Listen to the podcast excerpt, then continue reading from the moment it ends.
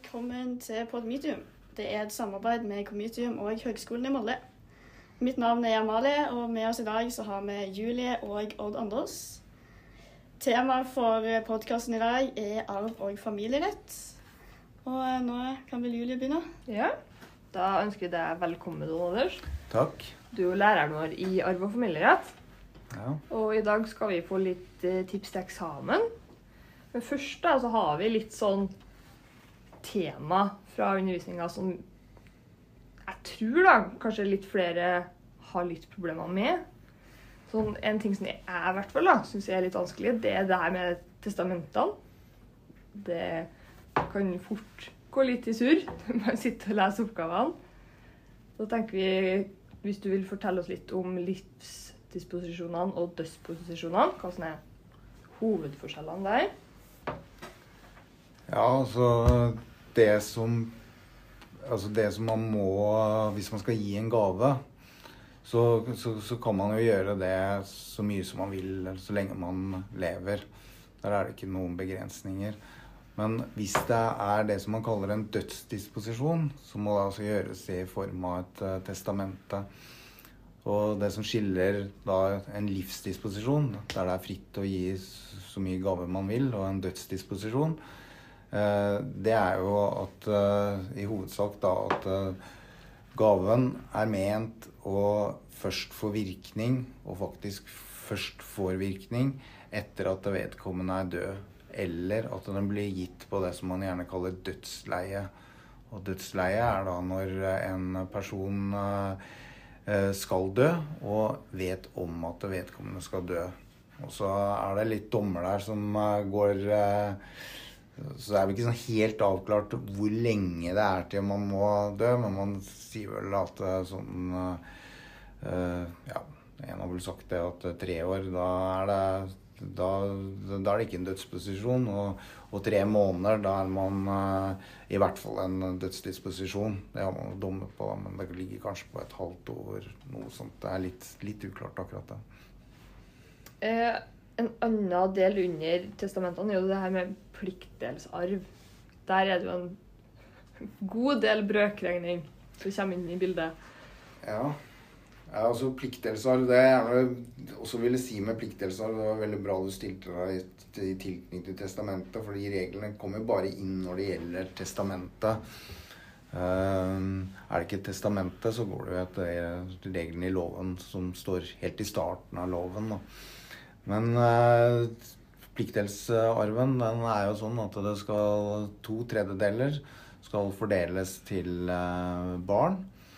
Uh, og de, det som går over to tredjedeler, altså en, en tredjedel, det er gjerne det man kaller den, den frie tredjedel Eller den frie Nei, friarven, kaller man det. Og så er det begrensninger der også, sånn at man kan ikke Altså er det over 1, nei, 15 G så, så, så er det det som, som gjelder da, som pliktdelsarv. Og så er det til ektefelle så er det sånn at eh, ektefelle har en minstearv. Og den eh, kommer i tillegg der også. Det betyr at den frie den kan jo bli ganske liten til slutt. Da. Uh, litt avhengig av hvor stor formuen er. Da. Er formuen veldig stor, så kommer jo disse her uh, begrensningsreglene inn. sånn at det, da blir det mer å, å fordele på testamentet. Mm. Vi har jo også dere våre. Og vi er vant med å bruke den en fjerdedel, eller 4G, når det gjelder arv til ektefellen etter lovene. Men så har vi den her med 6G, da. Den har gjort meg litt forvirra. Ja, det er den uh, minstearven til ektefeller. Uh, altså normalt, eller ikke normalt, da, men har, har, man livsarvinger, altså barn, så gjelder den med 4G. Har man uh, ikke barn, så gjelder den med 6G. Da. Ja, vi har jo eneie og sameie. Og jeg lurer bare på hva er forskjellen på, på de? Uh, eneie og sameie, det Altså kan jo begynne kanskje litt før der også. Så det, det gjelder jo hvordan uh, er på en måte råderetten eller uh, eierforholdet mellom ektefeller når de eh, gifter seg. Og det er jo en del som tror at eh, da automatisk så eier man eh, alt sammen eh, sammen, og sånn er det ikke. Det er helt motsatt. Det er sånn at man eier de tingene man eide tidligere. Uh, Dem eier man fortsatt, og det som man erverver under ekteskapet, det eier man uh, fortsatt uh, være av ektefellene. Uh, men så kan ting være i sameie. Det betyr at, at de eier dem sammen. Og det kan f.eks. være at de kjøper en bolig sammen og, og har et felles lån på dem. Men da må det være et spesielt grunnlag for det, for at det skal være sameie. Så har vi noen også som kanskje fort kan blandes inn her. Det er jo felleseie og særeie. Ja. Og det bør ikke blandes, fordi felleseie og særeie, det er altså spørsmålet Det kommer opp i spørsmålet om uh, hvordan man skal fordele uh, eiendelene, eller verdiene, ved ekteskapets opphør. Og der er jo hovedregelen for eh, ektefeller at man har felleseie. Det betyr sånn kort fortalt at man deler boet i to, og så tar man eh, hver sin del. Eh, og så har man noe som heter særeie. Særeie det må jo da bestemmes eh, i en ektepakt at man har. Og det kan enten være at man har fullstendig særeie. Det betyr at man, eh, når ekteskapet tar slutt, så tar man eh, sine ting med seg. Eller det kan være sånn at det er delvis særeie, altså at det er noe ting som er særeie. F.eks. en mann og en kone, og så, så har øh, øh, kona en, en hytte eller et eller annet sånt som hun har fått, kanskje. Og så, så skriver de at det, de til ektepakten at den er i, i særeie. Tar hun den med seg, og så deler de i så fall da resten likt mellom seg. Der kan man jo også ta med dette her at felleseie det er normalen at man deler likt, men så har vi noe som heter skjevdeling. Og det gjelder eh, i, egentlig eh, i to tilfeller. Og det ene er at man kan såkalt skjevdele, altså ta med seg de verdiene eh, selv når ekteskapet opphører, hvis man har ervervet det før ekteskapet, ble, ekteskapet ble inngått. Og det andre er eh, hvis det er arv, hvor det er bestemt eh, Hvis man er ene eh, arver et eller annet, så kan den skjevdeles. Da er det paragraf 59 Ja. Sånn er Paragraf 59. den man skal gå ut ifra. Det er skjevdelingsreglene. Ja. Eh, Vi har også litt spørsmål om ueskifte og ektepakt. Eh, Ektepakten er jo fin å ha når det kommer til skilsmisse også, men retten med å sitte i uskifte er vel når den ene dør. Ja. Og der er jo reglene i, i arveloven sånn at eh, hvis man har felleseie, så har man en rett. Altså den eh, ene Den lengstlevende ektefellen da, har rett til å sitte i uskifte. Det betyr at man da ikke skifter med de andre arvingene. Altså man beholder boet. Og regelen der er jo på en måte at man beholder det fram til sin død. Og så er det enkle regler om at man enten man kan skifte når man vil, øh, før man dør. Og så er det også sånn i noen tilfeller man må skifte før man dør. Og kanskje mest praktiske der er det hvis man gifter seg på nytt. At man må skifte på nytt. Uh, og så er det sånn at man uh, får sær, Dette gjelder for hvis man har felleseie. Når det gjelder særeie, så må det fastsettes i en ektepakt at man, eh, man har rett til uh, uh, uskifte. Så hvis det ikke er det, så må man ha samtykke av de andre arvingene for at, at man kan sitte i uskifte. Så ja.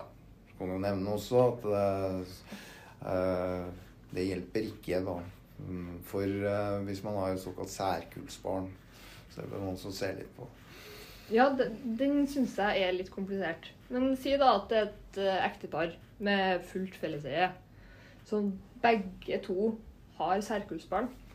Ja, Kan det løses med at de får alle til å ja, altså, godta ja hvis man godtar, altså hvis den uh, særkullsbarnet samtykker, så kan man, uh, så kan man uh, sitte i uskifte. Ja, supert. I tillegg jeg kan jo nevne det at hvis eh, den særkullsbarnet er eh, mindreårig, så må man faktisk ha samtykke både av vergen til vedkommende og av statsforvalteren for å sitte i urskift. Ja. Spennende. Da begynner det å bli litt mer komplisert igjen. Da begynner det å bli sært. Ja. Men da føler jeg vi har fått eh, fine svar på mye. Og utover det her så har jo du og Linda en podkast sjøl som ligger på Spotify. Den ligger under eh, fagkoden vår. Veldig lett å finne. Veldig fin. Den er Ja. Jeg syns den dekker det Den, uh, meste.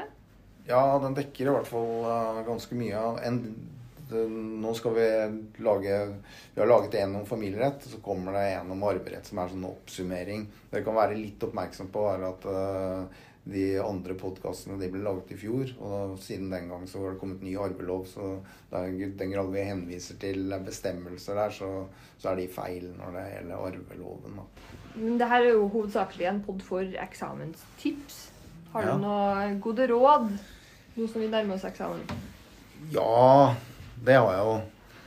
Altså, det som er vel Som alle sier sikkert når man, eh, når man skal gi eksamenstips, det er at dere må være nøye med å lese oppgaven. Og jeg syns det kan også være lurt å lese hele oppgaven eh, først, for å få en oversikt over det. Og så er jo gjerne oppgaven i arve- og familierett delt opp litt, sånn at det kommer en del faktum, og så kommer det noen spørsmål, så kommer det kanskje litt eh, faktum igjen. Og da må dere, før dere starter med det første spørsmålet, være veldig nøye på å lese det som kommer foran spørsmålet. Eh, og så må dere finne ut hva det spørres etter. Og ofte så er det ganske klart uttrykt i spørsmålet. Altså det står 'Kan denne ektefellen eh, sitte i uskifte?' Da er det jo det som er spørsmålet. Men eh, bak spørsmålet så kan det jo på en måte være en del sånne underproblemstillinger som dere må ta tak i. Og ofte så er jo de problemstillingene Ikke alltid, men eh, i hvert fall en del ganger så, så, så, så kan dere se dem litt ved anførsler fra partene. Du kan se f.eks. på på prøveeksamen. Da var det et godt eksempel på at det var mange anførsler eh, under et, et, spørsmål der. Det første spørsmålet der var det vel ekstra mange håndførsler under. Og da må dere uh, prøve å ta tak i de anførslene som er, er gjort der. F.eks. kan det være at en sier at et testament er ugyldig, og det kan være spørsmålet. ikke sant? Er testamentet ugyldig? Og så kan det komme under at partene anførsel altså det var bare ett vitne til stede. Det skal jo være to til, to til å skrive under. Uh, og at uh, så kan det i tillegg si at uh, det var test, testator var dement. Det er jo også en annen bestemmelse. Så da må man vurdere om man har testasjonsevne, som vi kaller det. da. Og da må man ta tak i begge de anførslene. Og selv om det er nok å si at testamentet er ugyldig fordi at, at det var bare et vitne som skrev under, så, så, må man også vurdere dette. Har det betydning at testator var dement? Altså at man drøfter det vi kaller subsidiært. Da. Så alle anførsler som er i en oppgave, de må på en måte kvitteres ut og kommenteres.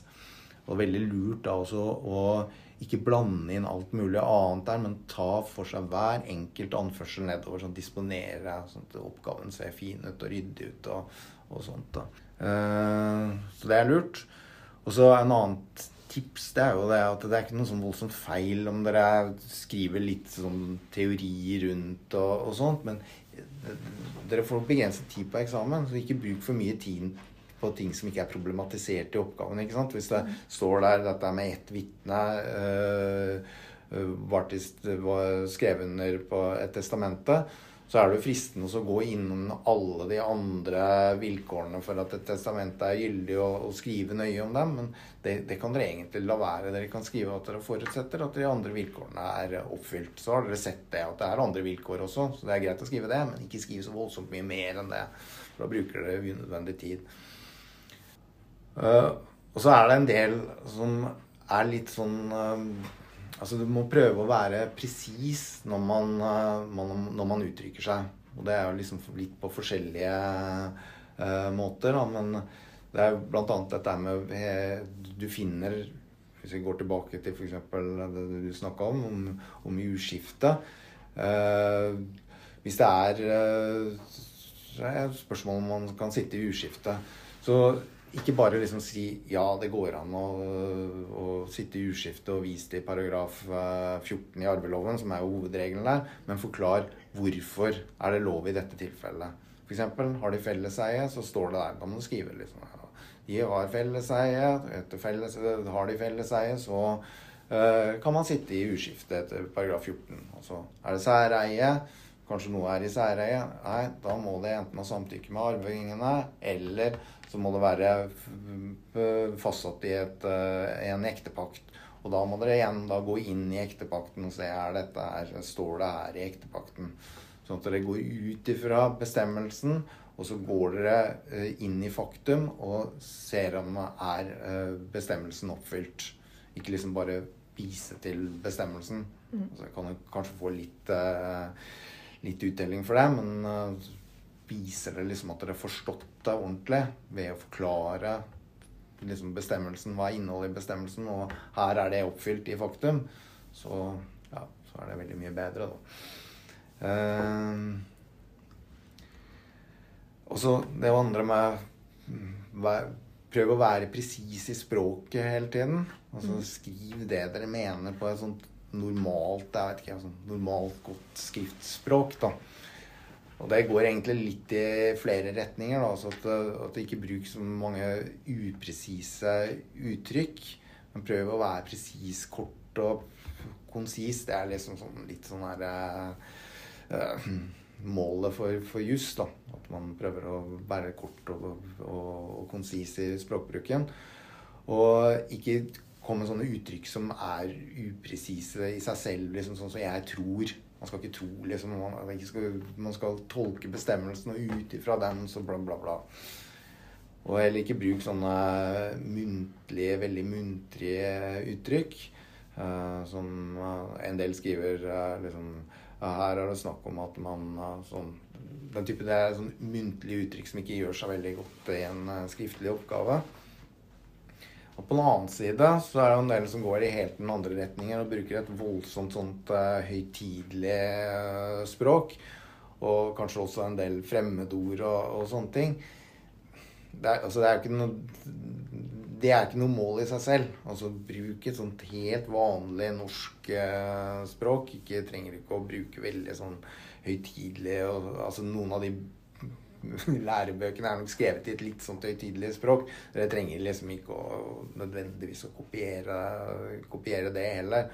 Og i hvert fall hvis du bruker fremmedord, så, så skjønner de. For det er en del som bruker fremmedord feil, og det blir, blir eh, Ja, det er ikke så bra, da. Og så på slutten av oppgaven jeg føler at de fleste når de går på juskurs nå, at, det, at det får med seg men at man skal ha en klar og entydig konklusjon. Skriv gjerne 'konklusjonen er', eller 'konklusjon kolon'. Og så er det som regel, syns jeg, så holder det med én setning som er et klart svar på det spørsmålet som er stilt i oppgaven. Mm. Så du ikke argumenterer i konklusjonen. Og så et uh, siste sånn, uh, tips, det er å passe på tiden hele tiden. Altså, hvis du syns at noe er veldig vanskelig, og du får det ikke ordentlig til, så bør du gå videre på neste spørsmål, sånn at du har fått, fått gjort mest mulig av oppgaven. Så det var vel de, de tipsene jeg kom på. Ja, supert. Men da tror jeg alle kommer til å være litt bedre forberedt til eksamen etter denne poden her. Jeg håper at alle gjør det bra på eksamen. Ja. Bare å stå på fram mot eksamen og så se litt på gamle oppgaver og, og sånt. Så håper jeg det går bra. Ja, Da sier vi tusen takk til deg at du ja, ville komme. Ja, takk til dere òg. Det var veldig hyggelig.